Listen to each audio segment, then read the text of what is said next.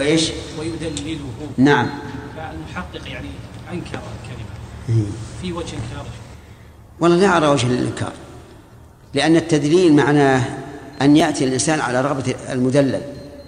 وهذا ما ما يمتنع هذا من اللطف وزيادة الرأفة بالإنسان. مثل ما قالت عائشة رضي الله عنها لقد رأيت الله تبارك وتعالى يسارع في هواك. تعني الرسول عليه الصلاة والسلام. فلا مانع. ونحن نرى نشاهد في الواقع أن من الناس من ينعم الله عليه عز وجل بجلب المنافع ودفع المضار. هذا نوع من التدريب انتهى الوقت. تفضل سم سم بالله. قال المؤلف وفقه الله الجملة الثانية. قوله تعالى يد الله فوق أيديهم. وهذه أيضا على ظاهرها وحقيقتها. فإن يد الله تعالى فوق أيدي المبايعين لأن يده من صفاته وهو سبحانه فوقهم على عرشه. كالمصافحة كالمصافحة. كالمصافح لهم فيده مع أيديهم لا فوق أيديهم. بسم الله الرحمن الرحيم.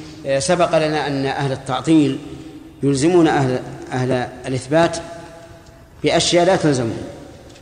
وهذا هو المثال الرابع عشر. وهو قوله تعالى إن الذين يبايعونك إنما يبايعون الله. وسبق الكلام على هذه الجملة. وقلنا إنما يبايعون الله لأنهم يبايعون رسوله صلى الله عليه وعلى آله وسلم فمبايعة الرسول مبايعة, مبايعة للمرسل. الجملة الثانية قوله يد الله فوق أيديهم. هل معناها أنها يد الله المضافة إلى الله عز وجل فوق أيديهم؟ ونقول إذا كانت فوق أيديهم لا يلزم المماسة كما نقول السماء فوقنا ولا يلزم أن يكون مماسا لنا. أو المعنى يد الله أي أي أي يد الرسول عليه الصلاة والسلام لأنهم إذا كانوا يبايعون الله بمبايعة الرسول فيد الله فيد الرسول كيد الله تماما. فيكون المراد بذلك يد الرسول. هذا الاحتمال لم نذكره هنا لكن ذكرناه حينما تكلمنا على الوسطية فنرجع إلى التخريج الذي ذكرناه هنا. قال يد الله فوق أيديهم وهذه أيضا على ظاهرها وحقيقتها. فإن يد الله فوق أيدي المبايعين لأن يده من صفاته وهو سبحانه فوقهم على عرشه فكانت يده فوق أيديهم. وهذا كما ذكرنا قبل من باب التوكيد. على أن مبايعة الرسول عليه الصلاة والسلام مبايعة لله. فيد الله فوق أيديهم. وهذا ظاهر اللفظ وحقيقته. وهو لتوكيد كون مبايعة النبي صلى الله عليه وسلم مبايعة لله عز وجل. ولا يلزم من أن تكون يد الله جل وعلا مباشرة لأيديهم. وإن كانت فوق أيديهم. فلا يلزم أن تكون مباشرة. بل ويستحيل أن تكون مباشرة في في في هذا الموضع. لماذا؟ لأن الله تعالى فوق كل شيء. والمبايعون في الأرض. فلا يمكن أن تكون يد الله الحقيقية مباشرة لأيديهم. قال ألا ترى أنه يقال السماء فوقنا مع أنها مباينة لنا بعيدة عنا. فيد الله عز وجل فوق أيدي المبايعين لرسول الله صلى الله عليه وسلم مع مباينته تعالى لخلقه وعلوه عليه. وهذا تخريج ظاهر أن يد الله فوق أيديهم لأنه فوق ويده من صفاته. ويكون في هذا توكيد هذه المبايعة أنهم كأنما بايعوا يد الله عز وجل. ولا يمكن لأحد أن يفهم أن المراد بقوله يد الله فوق أيديهم يد النبي صلى الله عليه وعلى آله وسلم ولا أن يدعي أن ذلك ظاهر اللفظ لأن الله أضاف اليد إلى نفسه ووصفها بأنها فوق أيديهم. ويد النبي صلى الله عليه وسلم عند مبايعة الصحابة لم تكن فوق أيديهم بل كان يبسطها إليهم فيمسك, فيمسك بأيديهم كالمصافح لهم فيده مع أيديهم لا فوق أيديهم. إذن هذا يناقض ما ذكرناه في في الوسيطية. وأن وأن يد الله فوق أيديهم على حقيقتها وليس المراد يد الرسول. وبينا أن هذا لا يمكن من وجهين. الوجه الأول أن الله أضافها أضافها إلى نفسه والأصل أن المضاف وصف للمضاف إليه. والثاني الثاني أن النبي صلى الله عليه وسلم ليس يضع يده فوق أيديهم ولكن يبسطها إليهم فيبايعونه. كما قال عمرو بن العاص للنبي صلى الله عليه وسلم أبسط يدك فلأبايعك. وما ذكرناه في العقيدة في شرح العقيدة الوسطية لا شك أنه محتمل. وعليه فنحن يعني مترددون بين أن يكون المراد ما ذكرناه سابقا وأن يكون المراد ما ذكرناه في القواعد المثلى. وإن كانت الذي في القواعد المثلى أقرب إلى إيش؟ إلى ظاهر اللفظ. المثال الخامس عشر. قوله تعالى في الحديث القدسي يا ابن آدم إلى آخره الحديث القدسي في مرتبة بين القرآن والحديث النبوي وهو ما رواه النبي صلى الله عليه وعلى آله وسلم عن ربه. هذا هو الحديث القدسي ووصف بهذا للتمييز بينه وبين الحديث النبوي. وسمي حديثا لأن النبي صلى الله عليه وعلى آله وسلم رواه عن ربه فليس هو القرآن الذي نزل به جبريل. وقد اختلف العلماء رحمهم الله في هذا. هل هو أي الحديث القدس أي الحديث القدسي القدسي هل هو كلام الله لفظا؟ أو إن النبي صلى الله عليه وسلم نقله عن الله بمعناه فمنهم من قال إنه هو كلام الله لفظا. لأن الأصل أن ما أضيف إلى الله قولا فهو قوله. والنبي صلى الله عليه وعلى آله وسلم قال قال الله تعالى فيحمل على أن هذا اللفظ لفظ الله عز وجل. وقال بعضهم بل هو بالمعنى. ولا حرج أن يقال قال فلان بالمعنى. بدليل أن جميع الرسل وأقوامهم يحكي الله عنهم القول بأي باللسان العربي. ومعلوم أن ألسنتهم ليست عربية ولا ينطقون بالعربي. ولذلك تجد أن النقول عنهم تختلف. قال فرعون آمنتم له وفي آية أخرى قال آمنتم به وأرسل في المدائن حاشرين وفي أخرى وابعث مما يدل على أن الله تعالى ينقل عنهم معنى كلامهم وليس هذا كلامهم باللفظ وهذا واضح وأيدوا هذا بأنه بإجماع العلماء أن الحديث القدسي ليس معجزا ولو كان كلام الله لكان معجزا لأنه لا يمكن لأحد أن يأتي بشيء مماثل لصفات الله عز وجل. وبأنه لا تصح قراءته في الصلاة ولا تشترط له الطهارة في مسه ولا طهارة الجنابة في تلاوته. وأن منه الصحيح والحسن والضعيف والموضوع وكلام الله تعالى لا بد أن يكون محفوظا. وعللوا بتعاليل كثيرة جيدة. ولكن لو قال قائل ما لنا ولهذا البحث؟ ما لنا ولهذا البحث. بل نقول الحديث القدسي ما رواه النبي صلى الله عليه وعلى آله وسلم عن الله ولا حاجة أن نتعمق ونقول هل قال الله تعالى هذا لفظا أم رواه النبي صلى الله عليه وسلم عنه معنى. هذا القول لا شك أنه أسلم. لا شك أنه أسلم وأبعد عن الإيرادات نعم، واحتمال أن يكون الرسول رواه عن ربه بالمعنى لا شك أنه قوي جدا لظهور الفرق بينه وبين القرآن الذي هو لفظ الله عز وجل ثم هنا علة أخرى قالوا لو كان الحديث القدسي من لفظ الله عز وجل لكان أعلى سندا من القرآن كيف ذلك؟ لأن القرآن نزل بواسطة جبريل وهذا ليس بينه وبين النبي وبين ربه واسطة وفي هذا ما فيه. على كل حال أنا أفضل وأرجح أخيرا أن الأولى ترك البحث في هذا. ما لنا والبحث. القرآن أحكامه معروفة والحديث القدسي أحكامه معروفة وكون نقول هل هذا لفظ الله أو غير لفظ لفظ الله لسنا مكلفين بهذا.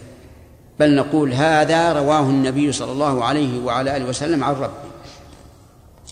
لنرجع إلى الكتاب يقول قوله تعالى في الحديث القدسي يا ابن آدم مرضت فلم تعدني. العقيل. وش الإشكال؟ ها؟ نعم.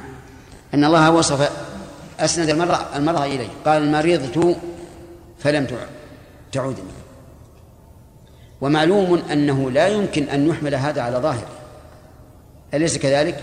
يعني لا يمكن لأي إنسان يقول إن الله مرض أبدا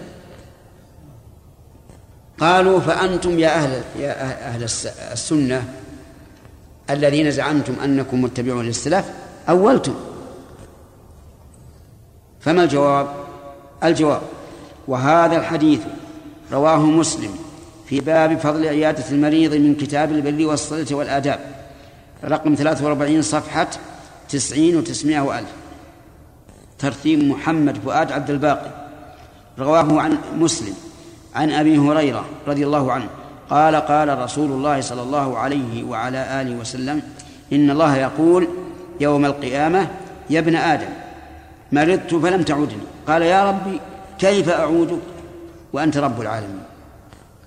المعنى كيف أعودك وأنت في غنى عني؟ أو المعنى كيف أعودك من مرض وأنت رب العالمين لا تمرض؟ يحتمل هذا وهذا. المهم أن ابن آدم يقول يا ربي كيف أعودك وأنت رب العالمين؟ قال لا قال أما علمت أن عبدي فلانا مرض فلم تعد؟ نعم. أما علمت أنك لو عدته لوجدتني عنده. شوف عبدي فلانا. هو بالعبودية الشرعية أو الكونية. نعم الشرعية. الشرعية نعم. إيه، يقول أما علمت أنك لو عدته لوجدتني عنده. لوجدتني. هل هو وجود حسي؟ بمعنى أن الله في هذا المكان نفسه؟ الجواب لا.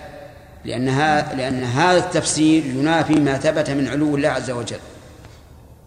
لكن هذه العندية يجب علينا أن نقول هي عندية خاصة بالله عز وجل ولا ندري عن كيفيتها. كالنزول إلى السماء الدنيا. نقول هو نزول خاص بالله لا ندري عن كيفيته يقول أيضا آه، يا ابن آدم استطعمتك أي طلبت منك أن تطعمني. فلم تطعمني. قال يا ربي وكيف أطعمك وأنت رب العالمين؟ يعني أنك في غنى هذا. قال أما علمت أنه استطعمك عبدي فلان فلم تطعمه أما علمت لو أنك أنك لو أطعمته لوجدت ذلك عندي. الفرق في المريض قال لوجدتني عنده. لأن الله تعالى عند المنكسرة قلوبهم والمريض قلبه منكسر ضعيف النفس ليس كقوة الصحيح في فراهته ونحو ذلك فقال لوجدتني عنده. أما هذا قال لوجدت ذلك عندي يعني الطعام والمراد ثوابه. لوجدت ذلك عندي. يا ابن آدم استسقيتك يعني طلبت أن تسقيني فلم تسقني. قال يا ربي كيف أسقيك وأنت رب العالمين؟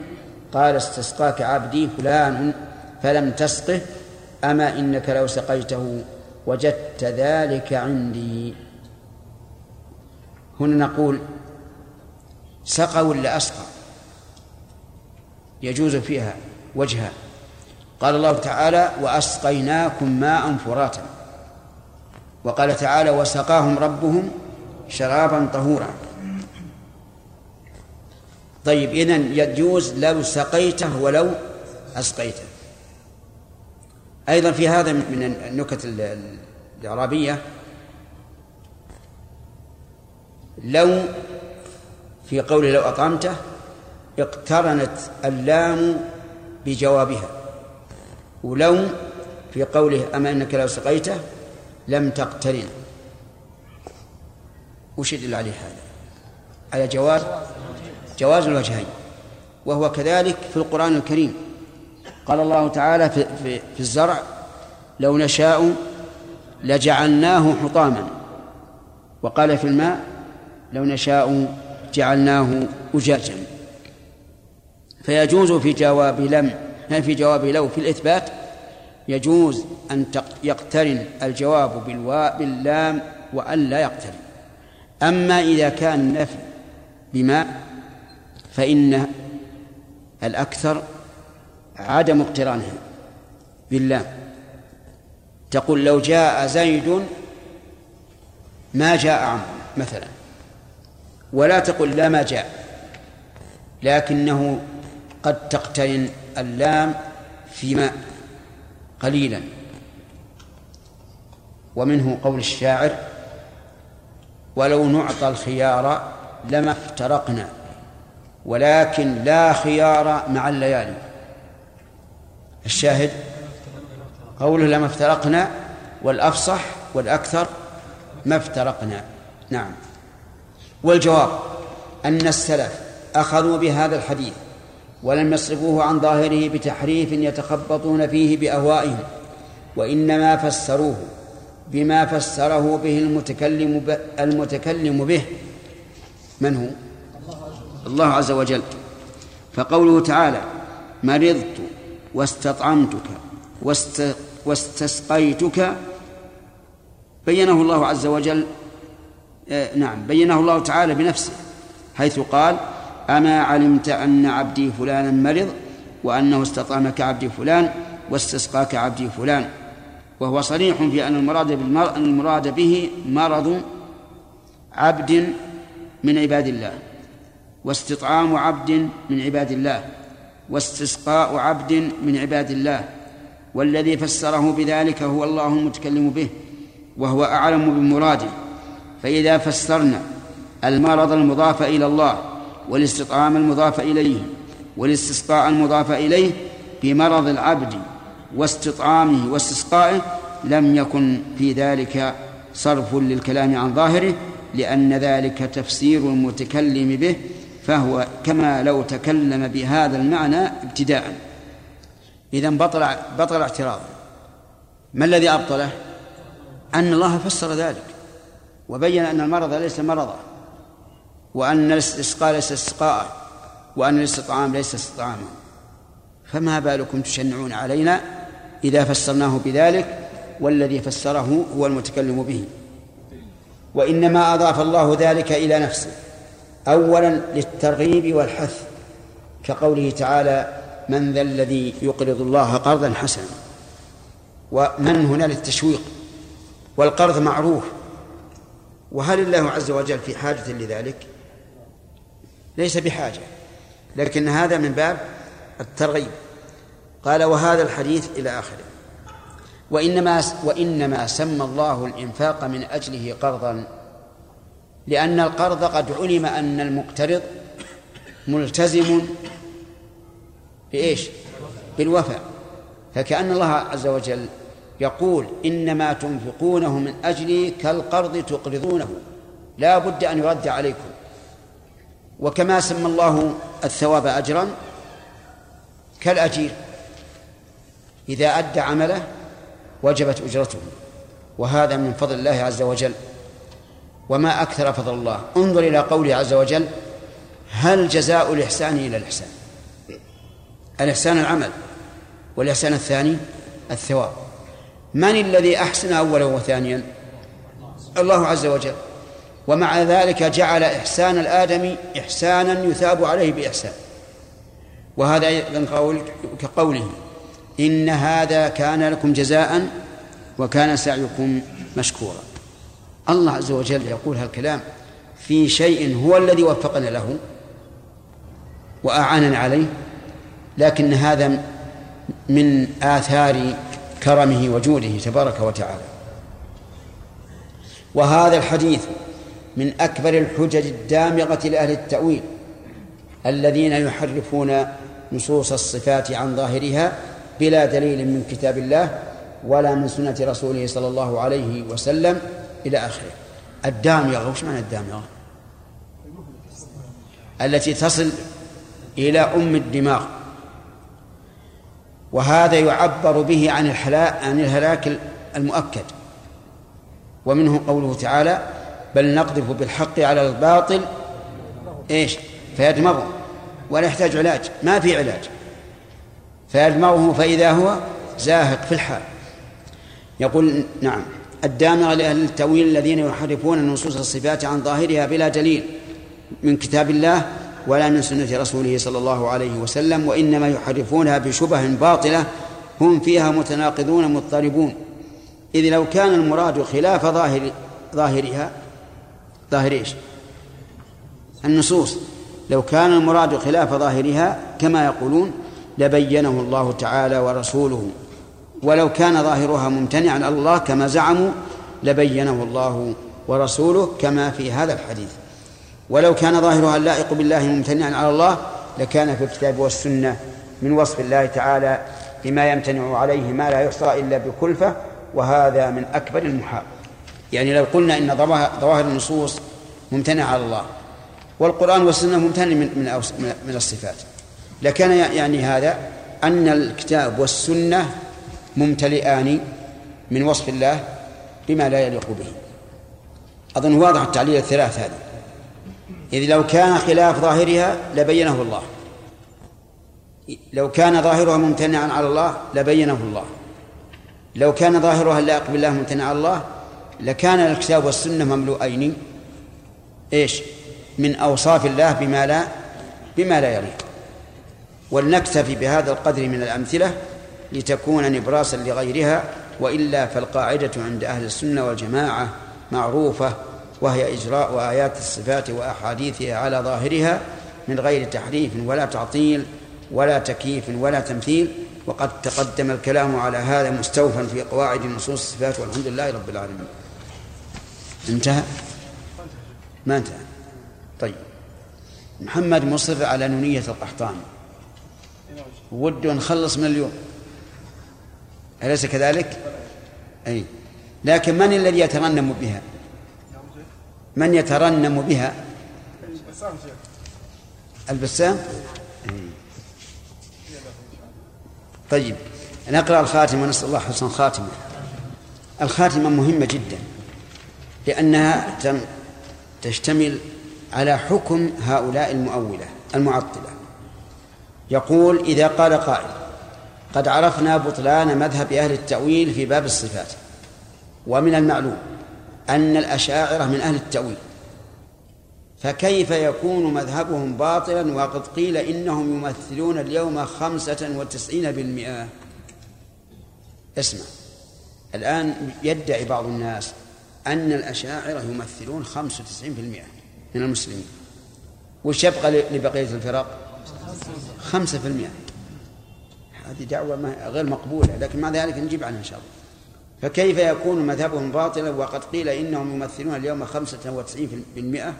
وكيف يكون باطلا؟ وقدوتهم في ذلك أبو الحسن الأشعري رحمه الله. وكيف يكون باطلا؟ وفيهم فلان وفلان من العلماء المعروفين بالنصيحة. لله ولكتابه ولرسوله ولأئمة المسلمين وعامتهم. النقطة الأخيرة هي أهم شيء. في الأشاعرة من قد عرفوا بالنصيحة لله ولكتابه ولرسوله ولأئمة المسلمين وعامتهم ولهم من المؤلفات النافعة الدالة على قبول الله لها شيء كثير. ولنضرب مثلا بالشيخ النووي رحمه الله. النووي رحمه الله من الأشاعرة في باب الصفات لأنك كلما مر عليك شرحه في صحيح مسلم وجدته يؤول الصفات. لكن الرجل له من المقامات الحميدة والآثار الجليلة ما عز أن يوجد لغيره لا في الحديث ولا في الفقه ولا في اللغة ولا في رجال الحديث ثم إن علامة القبول أن مؤلفاته نعم منتشرة مقبولة. يقرأها الصغير والكبير. الأربعون النووية. قل صغير من المسلمين إلا حفظه. رياض الصالحين. يقرأ في كل المساجد. شرح المهذب مرجع. صحيح مسلم شرح مرجع أيضا. أليس هذا يوجب الإشكال؟ يوجب الإشكال. كيف يكون الأشاعرة مذهبهم باطل وفيهم مثل هذا؟ الجواب أن يجب أن ننظر إلى المذهب لا إلى الذاهب. الذاهب قد تكون نيته حسنة ويريد الحق لكن التبس عليه. أليس كذلك؟ نعم قد يلتبس. الصحابة رضي الله عنهم وهم الصحابة الكرام قد يلتبس عليه الأمر. فمنهم مثلا من أحل آه، ربا الفضل ومنهم من أحل المتعة إما مطلقا أو على أو عند الضرورة. فالمهم أن الصحابة رضي الله عنهم يختلفون في هذه الأشياء. ونحن لا ننظر إلى إلى الذاهب وإنما ننظر إلى المذهب. المذهب باطل. ولكن ربما يلبس على الإنسان فيذهب إلى هذا المذهب. الجواب. الجواب عن السؤال الأول. ما هو الأول؟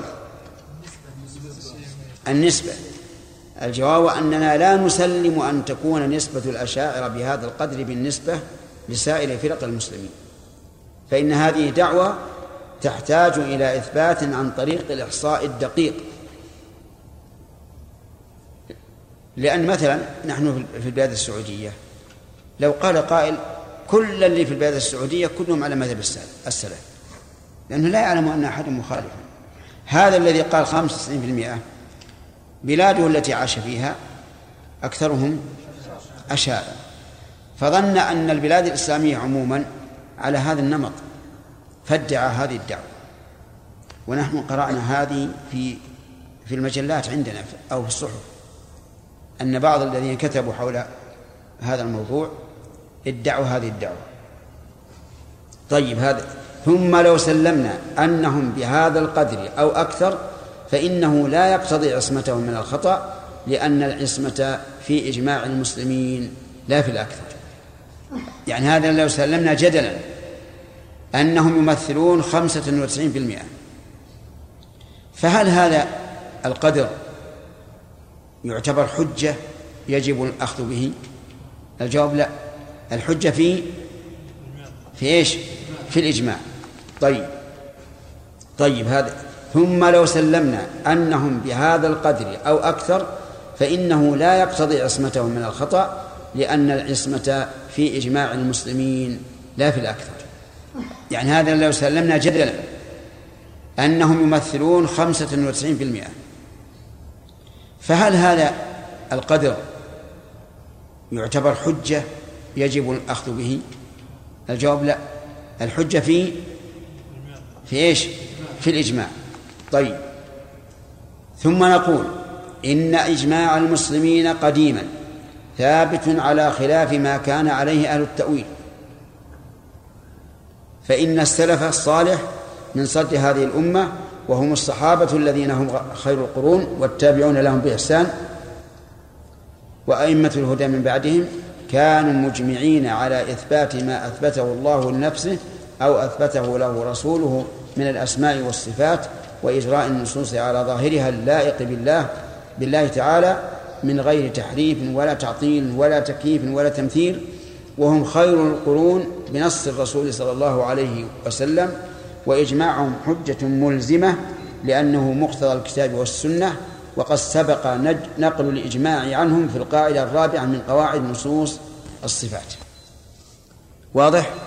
هذه المسألة في الأصول التي ادعي فيها الإجماع أو الأكثر مع أن الإجماع مع أن الإجماع الأول ثابت.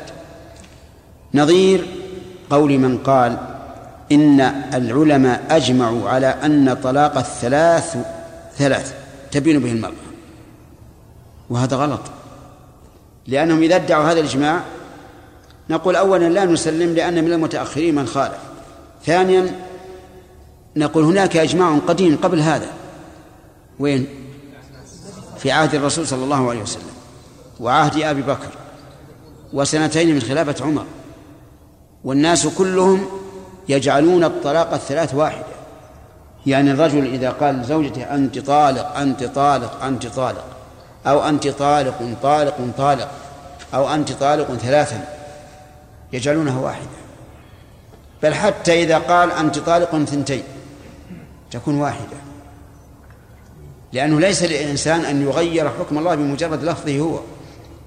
ادعى بعضهم الإجماع على أن الطلاق الثلاث تبين به المرأة المرأة ولو كان في مجلس واحد. قال منازعوهم بل الإجماع معنا نحن أسعد بالإجماع منكم لأنه مضى عهدان وبعض الثالث. عهد النبي صلى الله عليه وسلم وعهد أبي بكر وسنتين من خلافة عمر. ثم إن عمر رضي الله عنه بين اجتهاده بين وجه اجتهاده. وهو أن الناس تتايعوا في هذا الأمر وتهافتوا فيه وكثر فيهم فأراد أن يعزرهم بمنعهم من الرجوع. هذا نظيره. إذا قالوا إذا قال الناس الآن يكادون يجمعون على أن المذهب الصحيح مذهب الأشاعرة قلنا هذا غلط. بل بل الأمة الإسلامية مجمعة من قبل هذا الحدث على ما ذهب إليه السلف. ثم نقول ونعم لا بقي عندنا.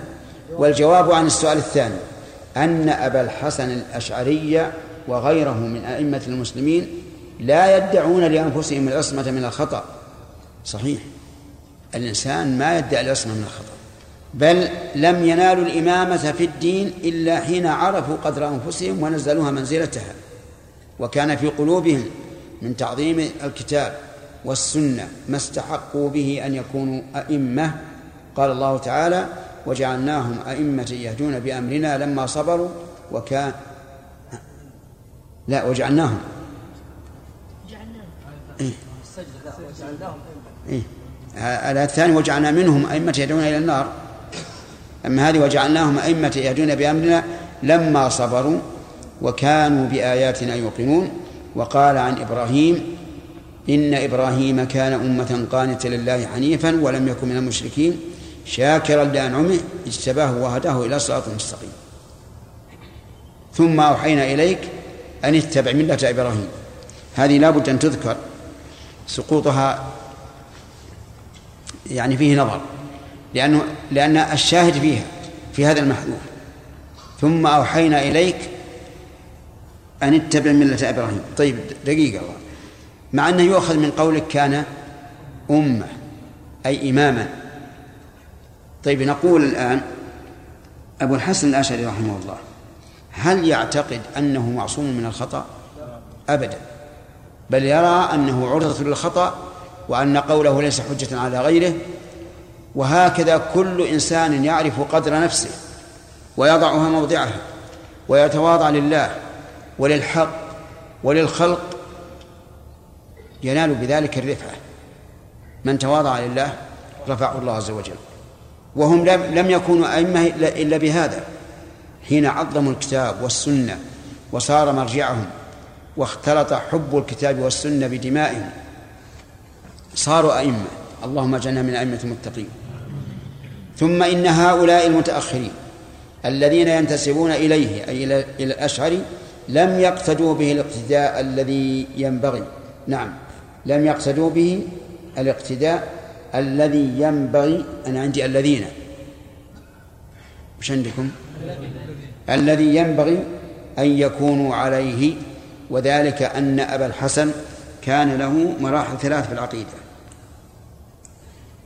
المرحلة الأولى مرحلة الاعتزال. اعتنق مذهب المعتزلة أربعين عاما يقرره ويناظر عليه ثم رجع عنه وصرح بتضليل المعتزلة وبالغ في الرد عليهم. المرجع عندكم؟ مجموع الفتاوي للشيخ الإسلام ابن تيمية صفحة 72 جزء أربعة. الثاني المرحلة الثانية مرحلة مرحلة بين الاعتزال المحض والسنة المحضة. سلك فيها طريق أبي محمد عبد الله بن سعيد بن كلاب. قال شيخ الإسلام ابن تيمية رحمه الله من المجلد السادس عشر من مجموع الفتاوي صفحة 71 و400 لابن القاسم والأشعري وأمثالهم برزخ بين السلف والجهمية أخذوا من هؤلاء كلاما صحيحا ومن هؤلاء أصولا عقلية ظنوها صحيحة وهي فاسدة. هذا يكون بين هذا وهذا. قال المرحلة الثالثة مرحلة اعتناق مذهب أهل السنة والحديث الذين إمامهم الإمام أحمد بن حنبل رحمه الله كما قرره في كتابه الإبانة عن أصول الديانة وهو من آخر كتبه أو آخرها. قال في مقدمته جاءنا يعني النبي صلى الله عليه وسلم بكتاب عزيز لا يأتيه الباطل من بين يديه ولا من خلفه.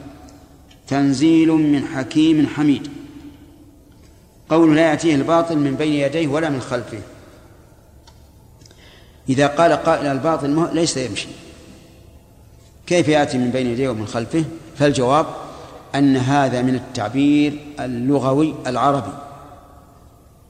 وكل يعرف أن المراد لا يمكن أن يكون باطلا لا من بين يديه ولا من خلفه. فما سبق وأخبر به القرآن فهو حق ليس بباطل. وما وما يأتي فهو كذلك حق وليس بباطل. وما شرع من أحكام فهو حق. لا يترتب عليه مفسدة لا قبل الفعل ولا بعد الفعل.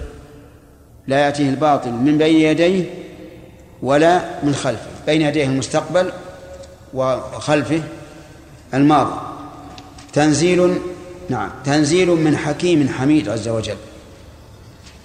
بدأ بالحكمة قبل الحمد لأن المقام يقتضي ذلك. فكل ما في القرآن فإنه مطابق للحكمة وكل ما فيه فإن الله تعالى يستحق عليه الحمد. قوله تعالى قوله سبحانه وتعالى إن الذين يبايعونك إنما يبايعون الله يد الله فوق أيديهم. لو قال قال الشيخ لماذا ما نقول إن الذين يبايعونك أي النبي صلى الله عليه وسلم ولم يقل إن الذين يبايعون الله. فتقول يعني إنما يبايعون الله يد الله فوق أيديهم. هذا أضاف الله سبحانه وتعالى يد النبي صلى الله عليه وسلم إليه اضافه تشريفا وبالتالي أن واقع الشيخ يخالف ان قد تكون هذه اليد التي بايعها الصحابة يد الله حقيقة. بقول الصحابي ان النبي صلى الله عليه وسلم اخذ يده يده يمنى يسرى وضعها على يمنى وقال هذه ابايعها عن عثمان رضي الله عنه وهذا يعني واضح شيء ثم اذا قلنا ان هذا يد التي بايعها الصحابه هي يد الله سبحانه وتعالى حقيقه يلزم أن يلزم أن هذا القول أن نعرف حقيقة يد الله سبحانه وتعالى وبالثاني يلزم بقول يعني بحلول لأن الصحابة بايعوها ومسكوها ولمسوها شيء وهي يعني معروفة لديهم. مثل هذه الأشياء نعم. ولماذا يعني ما نحملها على قول أما الجملة الأولى ما في أشكال. لأنها هذا يد يد يد, يد النبي صلى الله عليه وسلم حقيقة أضافها الله سبحانه وتعالى إلى النبي صلى الله عليه وسلم إضافة التشريف كما كما أضاف قراءة جبريل عليه الصلاة والسلام إلى نفسه. هو الآن عندنا الآية الأولى ما في الجملة الأولى ما في أشكال. إيه هذا الثاني يا شيخ. إنما يبايعون الله ما في أشكال. كذا ولا لا؟ طيب بقينا يد الله فوق أيديهم فيها احتمالين، الأول ما قررناه بالعقيدة الواسطية. شيخ رجحت القول الثاني الأول ما قرناه في العقيدة الوسطية وهي أن يد الله فوق أيديهم المراد بذلك يد النبي صلى الله عليه وسلم. وأضافها الله إلى نفسه لأنه قائم مقامه. فهمت؟ بس هذه في إشكال أن كلمة فوق. فوق أيديهم هل الرسول إذا أراد أن يبايع يعني يجعل يده فوق يد المبايع؟ أو يبسطها إليه؟ هذا لغة الشيخ نعم. كيف يكون مبايع لغة؟ لأني ما رأيت يعني واحد يبايع لغة إنه واحد يبايع كيف تعال تعال. هذه مبايعة. هذه مبايعة. أيوه شيخ جزاك الله خير طيب شيخ وهذا قول يا شيخ إذا قلنا هذا يد الله حقيقة. هذا دليل على الحقيقة الاحتمال يعني الاحتمالان متواردات لكن إذا قلنا يد الله فوق أيديهم هي أقرب لظاهر اللفظ أن يد الله حقيقية فوق أيديهم يعني كأنهم بايعوا الله عز وجل ويده فوق أيديهم ولو كان ولو كان في السماء. ها هذه. إذا قلنا يد الرسول صارت يد الرسول أضافها الله إليه لأنه قائم مقام الله عز وجل. لأنه رسوله فهو قائم مقام. وإذا قلنا بخلاف ذلك إن يد الله حقيقية لكنها في السماء ولا يلزم المواسة هذا يرجحه أن أن المبايعة ليست أن الرسول يجعل اليد فوق. فالظاهر أنك كالمصافحة تماما. ولهذا قال عمرو بن العاص للنبي صلى الله عليه وسلم ابسط يدك فلا أبايعك. طيب شيخ لو لو, لو سألنا واحد يعني أين الدليل على أن هذا يد التي يعني بايعها الصحابة يد يد الله سبحانه وتعالى؟ لأن الصحابة هم أعلم أعلم منا لا لا لا ما نقول إن, إن يد الله بمعنى أن يد الله باشرت أيديهم. لا ما يمكن نقول هذا. نقول؟ يد الله فوق أيدي بمعنى أن الله سبحانه وتعالى جعل مبايعة الرسول كمبايعة الله ولكن الله فوق كل شيء فتكون يد الله فوق أيديه. أنا أرى أن اللي يذهب إلى هذا أو هذا ما في إن شاء الله شيء. نعم. بقولنا القواعد نقول إن كان كان الآية ليس لها فائدة أو معنى. ليش؟ لأنه يد الله فوق أيديهم نعم. الأخرى أن الله سبحانه وتعالى بصفاته في يعني ليس لها معنى في هذا الموضوع. لا لها معنى معنى بارك الله فيك. معناها التعظيم تعظيم هذه المبايعة والتحذير من المخالفة فيها. لها معنى عظيم. مثل ما يقال الإنسان الإنسان اتق من فوقك. يعني اتق الله. فالمقصود بذلك تعظيم هذه المبايعة والحذر من نقضها نعم. ارفع الصوت. الحديث القدسي الذي مر معنا ماذا بعد؟ المقصود العبودية الشرعية نعم. باقي باقي العبوديات يعني عبادة كونية لا أظن أن هذا يحدث لإنسان كافر يكون مريضا فيكون الله عنده. ها؟ الذي استطاع نعم. حتى هذه حتى هذه. إذا كان كافرا ليس بيننا وبينه عهد فإن فإننا نريد أن يهلك. نشب النار حوله علشان يزيد عطش ويموت. أو نعجله ونقتله إذا كان حربيا. إذا كان معاهدا صحيح. يعني لا بأس أن أننا نعطيه لأن الله تعالى قال لا ينهاكم الله عن الذين لم يقاتلوكم في الدين ولم يخرجوكم من دياركم أن تبروهم ذكرنا احتمالين كيف أعود وأنت لا ترضى من التعريف وأنت في غنى عنه ما يحتمل احتمال ثلاثة وأنت في السماء لا. لا ما, ما لو لو كان هذا قال أنت في السماء في الحديث آه، إذا من تقرب إلي شبرا ومن تقرب إلي ذراعا وأتاني آه، يمشي وأتاني هرولا وأتيته هذا. أتاني. نعم يمشي. يمشي نعم. شيخ أحسن الله إليك. هذا في أفعال الله سبحانه وتعالى ما أضيف إلى الله سبحانه وتعالى قلنا هذا ظاهري أما ما أضيف للعبد. كيف يتقرب العبد؟ هرولا أو أو شبرا أو ما ما في الحديث هرولا. هذه من كيسك. إي نعم. هذه من كيسك الهرولة للعبد. هذا نعم. آه طيب زين. يمشي وشبرا وذراعا من العبد. من العبد إنما يفعل يقول أو يعمل أعمال. هذه الأعمال لا لا تقاس بالشبر. في أفعال العبد العبد كيف نقول؟ هم ذكرنا ذكرنا. قلنا ان إن مثلا في عبادة يمشى لها كالجهاد والسعي إلى المسجد وما أشبه ذلك. الشيخ أحسن الله السياق تقتضي أنه تقرب إلى الله سبحانه وتعالى شبر نعم. وهو كذلك. يعني مثلا الإنسان اذا إذا خرج من بيته مده شبر وهو يريد الصلاة مثلا هذا عمل صالح. يقربه إلى الله عز وجل. اي نعم شيخ أحسن الله قربه عام كل العبادات. كل العبادات؟ لا مو هو لازم في كل عبادة. ليس بلازم في كل عبادة. ولهذا أقرب ما يكون العبد من ربه وهو ساجد. والمثال كما قالوا يصدق مثال واحد. وين اي بس وين الرقيب على الوقت الآن؟ لا مضى 14 دقيقة الآن. طيب. نرجع إلى إلى الكتاب. قال فإن قال قائل قد أنك... لا إله إلا الله. نرجع إلى كلام أشعري من حكيم حميد. جمع فيه أو جمع فيه علم الأولين و جمع فيه أي الله عز وجل علم الأولين وأكمل به الفرائض والدين.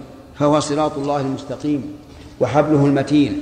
من تمسك به نجا ومن خالفه ضل وغوى. وفي الجهل تردى وحث الله في كتابه على التمسك بسنة رسوله صلى الله عليه وسلم فقال عز وجل وما آتاكم الرسول فخذوه وما نهاكم عنه فانتهوا. إلى أن قال فأمرهم بطاعة رسوله كما أمرهم بطاعته ودعاهم إلى التمسك بسنة نبيه صلى الله عليه وسلم كما أمرهم بالعمل بكتابه. فنبذ كثير ممن غلبت شقوته واستحوذ عليهم الشيطان سنن نبي الله صلى الله عليه وسلم وراء ظهورهم وعدلوا إلى أسلاف لهم قلدوهم بدينهم ودانوا بديانتهم وأبطلوا سنن رسول الله صلى الله عليه وسلم ورفضوها وأنكروها وجحدوها افتراء منهم على الله قد ضلوا وما كانوا مهتدين. يشير إلى من؟ يشير إلى المعتزلة. إلى المعتزلة لأنهم قلدوا أئمتهم وتركوا كتاب السنة. ثم ذكر رحمه الله أصولا من أصول المبتدعة وأشار إلى بطلانها ثم قال فإن قال قائل قد أنكرتم قول المعتزلة والجهمية والحرورية والرافضة. الحرورية من؟ الخوارج. والرافضة والمرجئة. فعرفونا قولكم الذي به تقولون وديانتكم التي بها تدينون.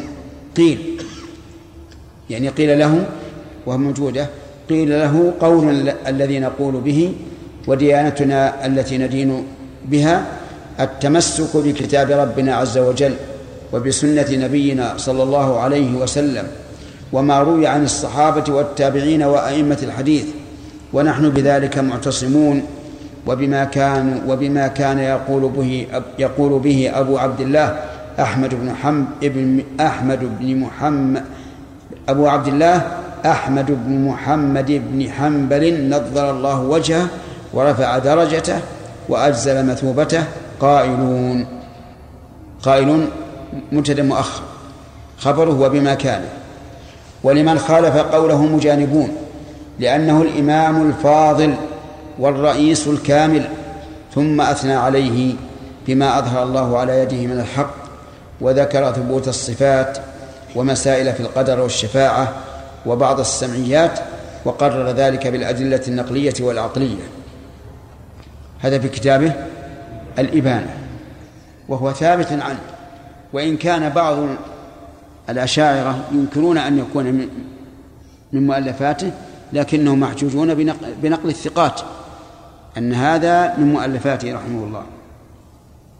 والمتأخرون الذين ينتسبون إليه أخذوا بالمرحلة الثانية من مراحل عقيدته. والتزموا طريق التأويل في عامة الصفات ولم يثبتوا إلا الصفات السبعة المذكورة في هذا البيت حي عليم قدير والكلام له إرادة وكذاك السمع والبصر. حي عليم قدير والكلام له إرادة وكذاك السمع والبصر. مع أنهم لا يفسرون الكلام بما بما بما يفسره أهل السنة إذ أن الكلام عندهم هو المعنى القائم بالنفس على خلاف بينهم وبين أهل السنة في كيفية إثباتها. ولما ذكر شيخ الإسلام رحمه الله ما قيل في ذم الأشعرية صفحة 59 و300 من المجلد السادس من مجموع الفتاوي لابن قاسم قال ومرادهم الأشعرية الذين ينفون الصفات الخبرية وأما من قال منهم بكتاب الإبانة الذي صنفه الأشعري في آخر عمره ولم يظهر مقالة تناقض ذلك فهذا يعد من أهل السنة. هذا كلام شيخ الإسلام رحمه الله.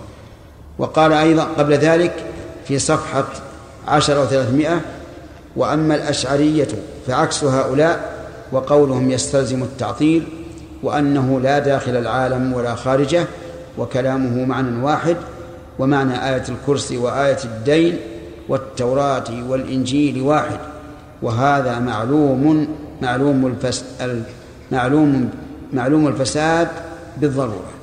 طيب. وقال تلميذه ابن القيم في النونية صفحة 12 وثلاثمائة من شرح الهراس طبعة الإمام واعلم واعلم بأن طريقهم عكس الطريق المستقيم لمن له عينان. طريق من؟ الأشاعرة. إلى أن قال فاعجب لعميان البصائر أبصروا كون المقلد صاحب البرهان. ورأوه بالتقليد أولى من سواه بغير ما بصر ولا برهان. وعموا عن الوحيين إذ لم يفهموا معناهما عجبا لذي الحرمان. نسأل الله السلامة. اللهم اهدنا فيمن هديت. وقال الشيخ محمد أمين الشنقيطي رحمه الله في تفسيره أضواء البيان صفحة 19 و300 جيم اثنين على تفسير آية الاستواء آية الاستواء لها على عرشه التي في سورة الأعراف قال اعلم أنه غلط في هذا خلق لا يحصى كثرة من المتأخرين فزعموا أن الظاهر المتبادر السابق إلى الفهم من معنى الاستواء واليد مثلا في الآيات القرآنية هو مشابهة صفات الحوادث وقالوا يجب علينا أن نصرفه عن ظاهره إجماعا كما قررنا قبل. أن أهل التعطيل إنما بنوا تعطيلهم على اعتقاد أن إثباتها على ظاهرها يستلزم التمثيل. فمثلوا أولا وعطلوا ثانيا. قال ولا يخفى. قال من؟ الشنقيطي. قال ولا يخفى على أدنى عاقل. أن حقيقة معنى هذا القول أن الله وصف نفسه في كتابه بما ظاهره المتبادر منه السابق إلى الفهم الكفر بالله تعالى والقول فيه بما لا يليق به جل وعلا. والنبي صلى الله عليه وسلم الذي قيل له وأنزلنا إليك الذكر لتبين للناس ما نزل إليهم لم يبين حرفا واحدا من ذلك مع إجماع من يعتد به من العلماء على أنه صلى الله عليه وسلم لا يجوز في حقه تأخير البيان عن وقت الحاجة إليه. وأحرى في العقائد لا سيما ظاهره المتبادر منه الكفر والضلال المبين حتى جاء هؤلاء الجهلة من المتأخرين. فزعموا أن الله أطلق على نفسه الوصف بما ظاهره المتبادر منه لا يليق. والنبي صلى الله عليه وسلم كتم كتم أن ذلك الظاهر المتبادر كفر وضلال وضلال يجب صرف اللفظ عنه وكلها أتى من تلقاء أنفسهم من غير اعتماد على كتاب لا على كتاب أو سنة. سبحانك هذا بهتان عظيم. ولا يخفى أن هذا القول من أكبر الضلال ومن أعظم الافتراء على الله جل وعلا ورسوله صلى الله عليه وسلم. والحق الذي كل هذا كلام الشنقيط والحق الذي لا يشك فيه لا يشك فيه أدنى عاقل أن كل وصف وصف الله به نفسه أو وصفه به رسوله صلى الله عليه وسلم فالظاهر المتبادر منه السابق إلى فهم من في قلبه شيء من الإيمان هو التنزيه التام عن مشابهة شيء من من من صفات الحوادث. قال وهل ينكر عاقل أن السابق إلى الفهم المتبادر لكل عاقل هو منافاة الخالق للمخلوق في ذاته وجميع صفاته. لا والله لا يمكن ذلك إلا مكابر. والجاهل المفتري الذي يزعم أن ظاهر آيات الصفات لا يليق بالله لأنه كفر وتشبيه إنما جر إليه ذلك تنجيس قلبه بقدر التشبيه. رحمه الله. بقدر التشبيه بين الخالق والمخلوق فأداه شؤم التشبيه إلى نفي صفات الله عز جل وعلا وعدم الإيمان بها مع أنه جل وعلا هو الذي وصف بها نفسه فكان هذا الجاهل مشبها أولا ومعطلا ثانيا فارتكب ما لا يليق بالله ابتداء وانتهاء ولو كان قلبه عارفا بالله كما ينبغي معظما لله كما ينبغي طاهرا من أقدار التشبيه لكان المتبادر عنده السابق إلى فهمه أن وصف الله تعالى بالغ من الكمال والجلال ما يقطع أوهام علائق المشابه المشابهة بينه وبين صفات المخلوقين. فيكون قلبه مستعدا للإيمان بصفات الكمال والجلال الثابتة لله في القرآن والسنة الصحيحة مع التنزيه التام عن مشابهة صفات الخلق على نحو قوله تعالى ليس كمثله شيء وهو السميع البصير. انتهى كلامه رحمه الله. وهو جيد. يصف هؤلاء بالجهل وبقذارة القلوب وبأدغال التشبيه وبما يستحقون أن يوصفوا به. وهو رحمه الله من المتأخرين. وكلامه حجة بلا شك. نعم. ما ضابط؟ بإقرار النبي صلى الله عليه وسلم عنه حتى لو كان الفاعل كافرا مثلا. مثل إيش؟ كافرا فعل معصية من المعاصي. نعم. فسكت عن النبي صلى الله عليه وسلم نعم. هل هذا يعد إقرارا منه؟ على إيش؟ على هذا الفعل الذي فعله فيتبين لكن على ان على أن هذه المعصية صارت مباحة؟ قصدك لم يثبت كونه كيف تقول إنه فعل معصية وتقول لم يثبت؟ بعد بعد كونها معصية. هذه المسألة من مخيلتك فقط وإلا فأتي بمثال حتى نحكم عليه. قاعدة. ما في قاعدة.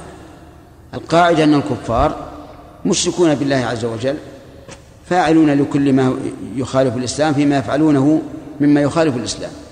والإقرار الذي يكون حجة إذا أقر النبي صلى الله عليه وسلم أحدا من المسلمين على شيء فهو دين على إباحته أو مشروعيته. وإذا أقر كافرا فإنه يكون من الإقرار إقرار الكافر على ما هو عليه حسب العهد الذي بينه وبينه. نعم. ذكرت من آه، من ما من الصفات ناصر سبع. نعم. شيخ آه، الصفات اللي يثبتونها الأشاعرة نعم. سبع. نعم. أكثر من هذا في كتاب كتبهم مثل أم البراهين ومثل زبدة العقائد وكذا كتب الأشعرية. يثبتون أكثر من هذا وش وش وش يثبتون؟ يثبتون مثل شيخ الوجود القدم البقاء خلفة تعالى الحوادث قيام تعالى بنفسه الوحدانية القدرة الإرادة العلم لعل هذا مذهب بعضهم والمشهور هو هذا. المشهور أنها سبع. ذكر شيخ الإسلام والسفارين وغيرهم من أهل العلم. لكن لكن يمكن بعضهم يعني يجيب زيادة. ولا الوجود تكفي عنها الحياة. شيخ. نعم سليم. والله عنك يا شيخ. العادة الصحابة رضي الله عنهم وارضاهم. ما يدخلوا في الأمور هذه يا شيخ. كيف إحنا ندخل فيها؟ إحنا إحنا قاصر عقولنا وقاصر فهمنا وقاصر علمنا يا شيخ. أي نعم. وش وش يسعنا ان ندخل وش نسوي يا العلماء أهل السنة. ميدانهم هذا ميدانهم ويجب عليهم وجوب انهم إنهم يذبون عن السنة قدر ما ما يستطيعون. صحيح. ولكن اللي غيرهم يا شيخ. وش وش انه إحنا شر منهم يا رجال. الطريقة يا شيخ الطريقة اللي تخليهم يدخلون في المدخل هذا. اي هم متبعين سنة ولا متبعين إجماع ولا متبعين لا متبعين سنة أئمتهم يعتقدون إن هؤلاء الأئمة أنهم أعلم من غيرهم. أمتهم أعلم منهم الصحابة يدرون إن الصحابة أنهم أعلم منهم وأحسن منهم. مشكلة. الشيء بارك الله فيك باب التقليد مشكلة. الآن تجد كثير من كتب المقلدة تمضي تقرأ عدة صفحات ما تجد دليلا واحدا لا من القرآن ولا من السنة. إلا قال فلان قال فلان. مشكلة المقلدة لا ت...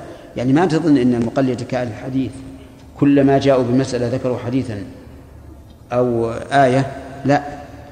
قال فلان وقال فلان. طيب الله سبحانه وتعالى يقول ما اتاكم الرسول فخذوه وما نعم. نهاكم عنه فانتهوا الرسول صلى الله عليه وسلم ما جانا بلا مقام. إيه لكن هذا سلمك الله لهم علماء. علماء عندهم أنهم أجلة وأنهم أعلم من غيرهم فيتبعونهم. نعم. الله يا شيخ. قول الله تعالى تجري بأعيننا. لو قال أن لو حملنا اللفظ على ظاهره لا يتنافى أيضا لأن الإنسان ممكن أن يكون هذا الشيء فيه. فلو أن الإنسان نظر إلى شيء فإن صورة هذا الشيء تكون في عينه. اللهم هذا سؤال ما يستحق الجواب. ولا ينبغي ان أن يرد من مثلك. معنى هذا الآن انك إنك جعلت حدقة عين الله عز وجل ك- كحدقة اعيننا وإن الذي يجري في عين الله هو صورة السفينة. كلام فاضي هذا. إيش الكلام هذا؟ نعم. اللهم اهدنا فيما هديت. ربنا لا تزغ قلوبنا بعد إذ هديتنا. نعم. والله نسمع بعض العوام إذا سمعوا من إنسان يكثر الكلام قالوا مثلا أريح ملائكك فهل هذه الكلمة منهم يعني ما هي جيدة. هذه لا ينبغي أن تقال. الملائكة أقوى من أن يقال لهم ريحهم لكن العوام يريدون بهذا أن تسكت ولا تتكلم. إنما التعبير سيء والمراد صحيح. أي نعم منها منها قل له قل له كما قال النبي صلى الله عليه وعلى آله وسلم من كان آه، نعم. من كان يؤمن بالله واليوم الآخر فليقل خيرا أو ليصمت. نعم. ذكرنا من أسماء الله عز وجل الله والإله. نعم.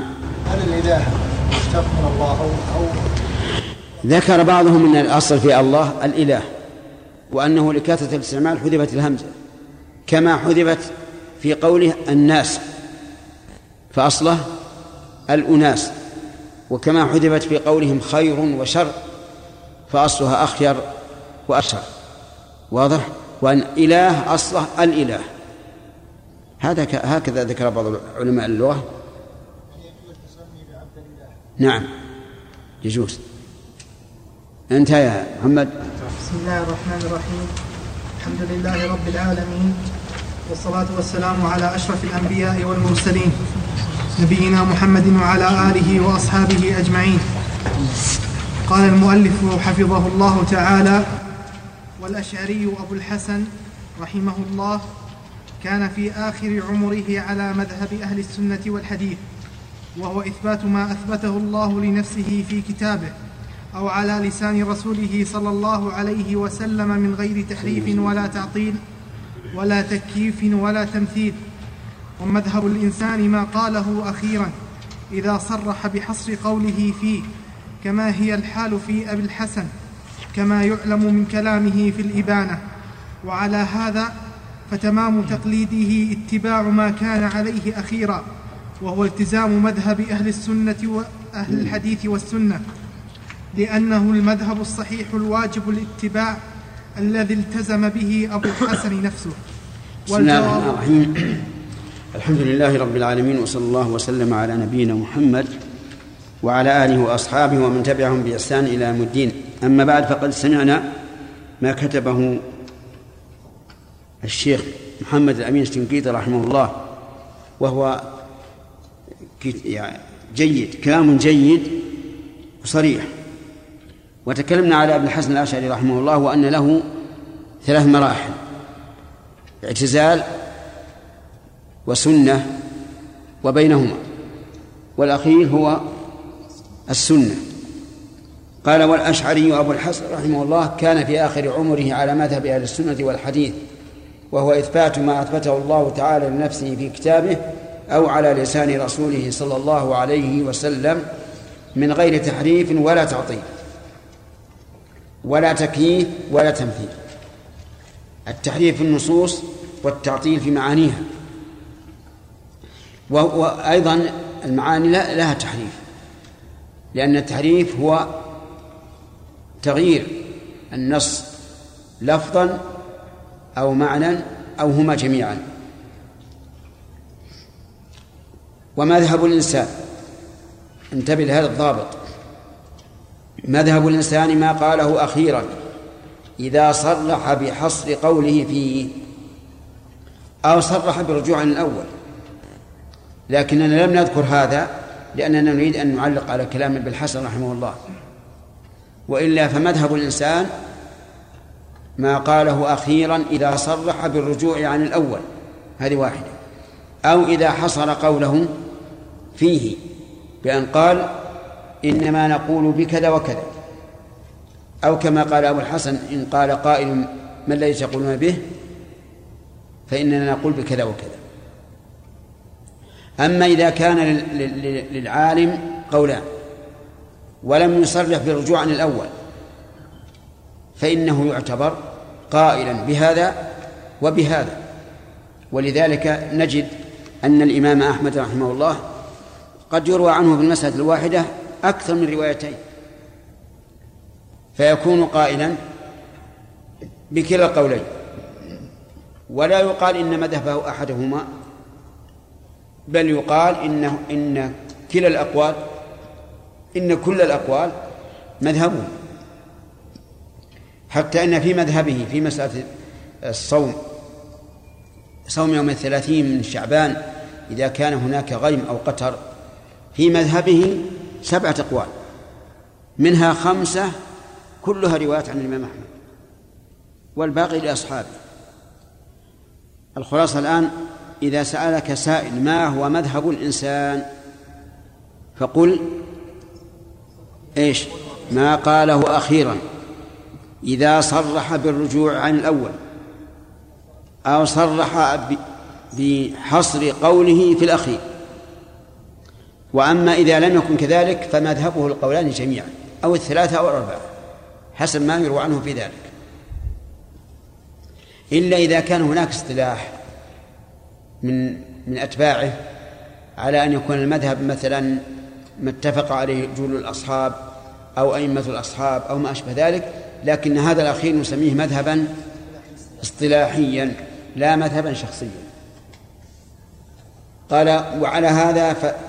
فتمام تقليده تقليد بالحسن اتباع ما كان عليه أخيرا وهو التزام مذهب أهل الحديث والسنة لأنه المذهب الصحيح الواجب الاتباع الذي التزم به أبو الحسن نفسه نعم وهذا واجب سواء التزم به أبو الحسن أو أم لم يلتزم لكننا نريد أن نريد أن نلزم من؟ نعم أتباع أبي الحسن الذين يدعون أنهم أتباعه بأن يقولوا بما قال به أهل الحديث والسنة والجواب عن السؤال الثالث ما هو السؤال الثالث؟ عندكم في أول الكلام نعم؟ نعم. الجواب عن السؤال الثالث. الثالث من وجهين. الأول أن الحق لا يوزن بالرجال وإنما يوزن الرجال بالحق. هذا هو الميزان الصحيح. وإن كان لمقام الرجال ومراتبهم أثر في, في قبول أقوالهم. نعم. الحق لا يوزن بالرجال لا شك. وإنما يوزن الرجال بالحق. ومعنى وزن الرجال بالحق أننا إذا رأينا الرجل متبعا للحق حريصا على اتباع الآثار صار عندنا جليلا ومعظما. وإذا كان بالعكس نزل من تعظيمه وجلالته بقدر ما حصل منه من التقليد الأعمى. والخلاصة أن الحق لا يوزن بالرجال. وإنما يوزن الرجال بالحق. كما أن نقول ضابط آخر مهم.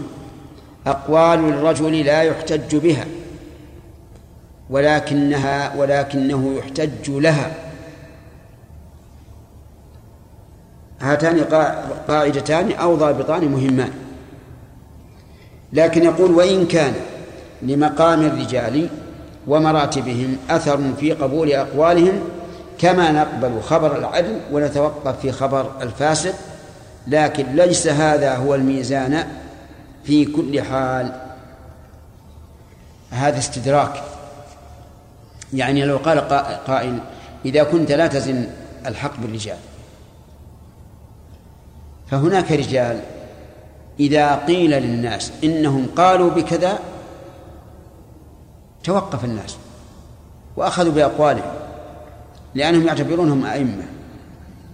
نقول هذا صحيح. لا شك أن القول يعتبر بقائله أيضا. فلا نهدر الأئمة. ولا نقول كما قال صغار العلم قليل المروءة. لما نوقش أحدهم وقيل له هذا قول الإمام أحمد. قال من الإمام أحمد؟ من الإمام أحمد؟ الإمام أحمد رجل ولا رجل. ولكن الفرق عظيم بين هذا وبين الإمام أحمد. ولا شك أن هذا من من إعجابه بنفسه وأنه يخشى أن يحرم بركة العلم ومن قلة مروءته. لأنه لو تلطف في الجواب وقال نعم الإمام أحمد على العين والرأس لكن ليس معصوما. هذا صحيح. صحيح.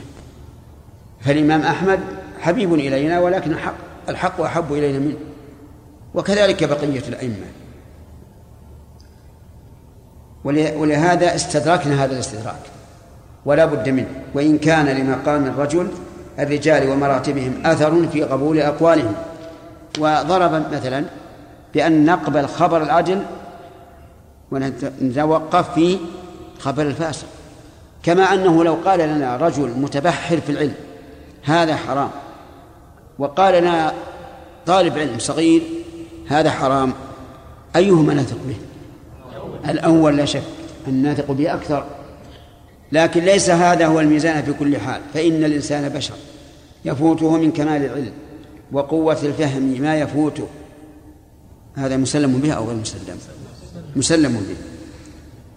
فقد يكون الرجل دينا وذا خلق ولكن يكون ناقص العلم أو ضعيف الفهم فيفوته من الصواب بقدر ما فاته. أنا ما ما قرأته لك اصبر اصبر. بقدر ما حصل له من النقص والضعف أو يكون قد نشأ على طريق معين أو مذهب معين لا يكاد يعرف غيره فيظن أن الصواب منحصر فيه ونحو, ونحو ذلك. وهذا صحيح. أن الإنسان يفوت من كمال العلم وكمال الفهم ما يفوته حتى يخطئ. ولا مانع من أن يخطئ الإنسان ويرجع إلى الصواب إذا تبين له. وهذا يقع كثيرا. كثير من الناس فهمه قليل. كثير من الناس فهمه قليل وحفظه قوي. فتجد يحفظ المتون المختصر والمطول. لكن فهمه قليل. ما يكاد يستخرج الفائدة. وقد قصصنا عليكم قصة رجل حفظ كتاب الفروع في فقه الإمام أحمد رحمه الله. وهو محمد بن مفلح من تلاميذ شيخ الإسلام ابن تيمية ويعبر عنه في كتابه بقوله قال شيخنا كان هذا الرجل قد حفظ كتاب الفروع وكتاب الفروع مملوء من العلم العظيم ليس في الفقه فقط بل الفقه والآداب لكنه فيه صعوبة في الفهم لا يفهمه إلا إنسان متبحر يعني متمرس في كلامه رحمه الله. المهم أن أحد الطلبة كان قد حفظ كتاب الفروع عن ظهر قلب لكن فهمه قليل فهمه قليل جدا فكان يخرج مع أصحابه وإذا أشكلت عليهم مسألة من المسائل جعلوه كالكتاب مراجعة وقالوا يا فلان ماذا يقول صاحب الفروع في هذا الباب؟ ثم يسرد عليهم الباب. لكن ما يستطيع أن يأخذ مسألة واحدة. سبحان الله. وفضل الله يؤتي من يشاء. وأحد الطلبة في دار التوحيد في الطائف. أول ما فتحت. أعطوه مس... امتحان. امتحان في الفقه. وقالوا ما حكم؟ أظنهم قالوا ما حكم تخصص الرجل في الصلاة. يعني وضع يده على خاصرته. الرجل الطالب هذا ما يفهم ولا يستطيع يستنتج المسائل. فكتب جيم فصل قال المؤلف يكره في الصلاة التفاته وفرقعة أصابعه وتشبيكها وتخصره وتروحه.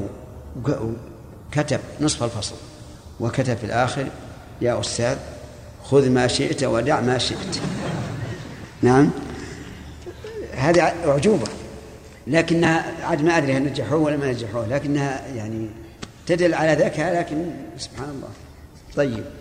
المهم أن الناس يختلفون في الحفظ ويختلفون في الفهم ولا ولا يخلو أحد من خطأ. طيب. كذلك أيضا يكون قد نشأ على طريق معين أو مذهب معين لا يكاد يعرف غيره فيظن أن الصواب فيه ولا ولا يلتفت لغيره أبدا. وهذا كثير كثير. تجد مثلا البلاد التي على مذهب الإمام أحمد بن حنبل لو ذكر لعامتهم مذاهب أخرى استنكروها ولم يروها من الإسلام وصعب عليهم أن ينتقلوا عن عن مذهبهم الأول. الجواب الثاني أننا إذا قابلنا الرجال الذين على طريق الأشاعرة بالرجال الذين هم على طريق السلف وجدنا في هذه الطريق يعني طريق السلف من هم أجل وأعظم وأهدى وأقوم من الذين على طريق الأشاعرة. فالأئمة الأربعة أصحاب المذاهب المتبوعة ليسوا على طريق الأشاعرة. صحيح؟ وهم أجل من أبي الحسن الأشعري ومن غيره من أتباعه. وإذا ارتقينا أيضا إلى من فوقهم من التابعين لم تجدهم على طريق الأشاعرة. وإذا علونا نعم وإذا علوت إلى عصر الصحابة والخلفاء الأربعة الراشدين لم تجد فيهم من هذا حذو الأشاعرة في أسماء الله وصفاته وغيرهما مما خرج به الأشاعرة عن طريق السلف إذن إذا قابلنا الرجال برجال ماذا يكون رجال الأشاعرة عند هؤلاء؟ لا ليسوا بشيء. نعم. ونحن لا ننكر أن لبعض العلماء المنتسبين إلى الأشعرية قدم صدق في الإسلام والذب عنه والعناية به. نعم. في الإسلام والذب عنه والعناية بكتاب الله تعالى وبسنة رسوله صلى الله عليه وعلى آله وسلم. رواية ودراية والحرص على نفع المسلمين وهدايتهم. ولكن هذا لا يستلزم عصمتهم من الخطأ فيما أخطأوا فيه ولا قبول قولهم في كل ما قالوه ولا يمنع من بيان خطأهم ورده لما في ذلك من بيان الحق وهداية الخلق. لو أردنا أن نمثل لوجدنا كثيرا من هؤلاء. مثل النووي وابن حجر العسقلاني. فنحن نحبهم لله وبالله لأنهم لهم قدم صدق وإذا أراد الله تعالى أن يضلوا في مسألة الصفات فلا فلا نظن أنهم تعمدوا المخالفة أبدا. ونحن ننتفع بكتبهم إلى إلى إلى أن شاء الله. وأما من قال من السفهاء كما سمعنا وردت علينا استفتاءات فيه يجب إحراق فتح الباري. هكذا. يجب إحراق فتح الباري. سبحان الله. فتح الباري يجب إحراقه الذي قال عنه الشوكاني لا هجرة بعد الفتح. لما طلب من الشوكاني أن يشرح صحيح البخاري قال لا. لا هجرة بعد الفتح. يعني فتح الباري مغنى عن كل شيء. كيف نقول إنه يحرق؟ ولكن مع الأسف الشديد أن بعض الإخوان الصغار عقولا وادراكا لا يستعملون الحكمه فيما يقولون وفيما يحكمون وعندهم من الإعجاب بأنفسهم ما يجعلهم يحتقرون غيرهم. وهذه مصيبة نسأل الله أن يعيذنا وإياكم منها. لأن الإنسان إذا أعجب بنفسه والعياذ بالله لا يكاد يرجع إلى الحق. ولو رآه مثل الشمس. والإنسان يجب عليه أن يعرف قدر نفسه. ثم أيضا يجب على الإنسان إذا أخطأ وبين له صاحبه الخطأ أن يشكره على هذا. لا أن يتعصب لرأيه. وإذا لم يناقشه صاحبه وكتب عليه ردا مثلا فليقول الحمد لله. إن كان الصواب معي فقد عرض ذلك فقد عرض هذا الذي رد علي عرض نفسه لعقوبة الله عز وجل. لأنه رد الحق. وإن كان الحق معه فهذه من نعمة الله علي أن عاصم الناس مما ضللت فيه. أما بعض الناس مثلا إذا رد عليه أحد صار كأنه يتهاوشون. كالديكة كل واحد ينتصر لرأيه ولو كان على خطأ. فهذا غلط. ثم إن الإنسان إذا أحجم عن المرادة والمنازعة فهو أشرف له وأعلى لقدره. والمسألة ليس ليس الإنسان ينتصر لنفسه وإنما ينتصر للحق. فإذا كان يتصل الحق فتح هذا. خلوا يرد عليك وخلوا يرد الحق الذي هو شريعة الله عز وجل. فيبوء بالإثم. وإن كان الصواب معه فهذا من نعمة الله عليك. أن وفقك لمنع إضلال الناس بكلامك. وما أحسن ما قال بعض القضاة لما سئل عن هيئة التمييز. وليش يجعل هيئة التمييز فوق القاضي؟ تعرفون هيئة التمييز؟ إذا حكم القاضي ثم اعترض المحكوم عليه على الحكم رفع هيئة التمييز. قال أنا أحمد الله أن كان هناك هيئة تمييز. يقول أحد القضاة أحمد الله أن كان هناك هيئة تمييز. لأنه إذا كان أنا أخطأت فهيئة التمييز تمنعني من الخطأ تمنعني من أن أظلم فلان وأعطيه فلان الذي لا يصح وهذا من من من عقله ومن فقهه أيضا. طيب نرجع إلى كتاب ثم قال ولا ننكر ولا ننكر أيضا أن لبعضهم قصدا حسنا فيما ذهب إليه وخفي عليه الحق فيه. أنا لا أظن أن من حجر أو ابن أو النووي يريدون مخالفة أمر الله ورسوله أبدا. لا أظن هذا. ولا أظن إن أن أن تحريفهم لنصوص الصفات إلا عن حسن قصد. لما أعلم من حرصهم على الشريعة وحفظها وتحريرها بما ألفوه من الكتب العظيمة التي جعل الله لها قبولا. ولا ننكر ولكن لا يكفي لقبول القول حسن قصد قائله.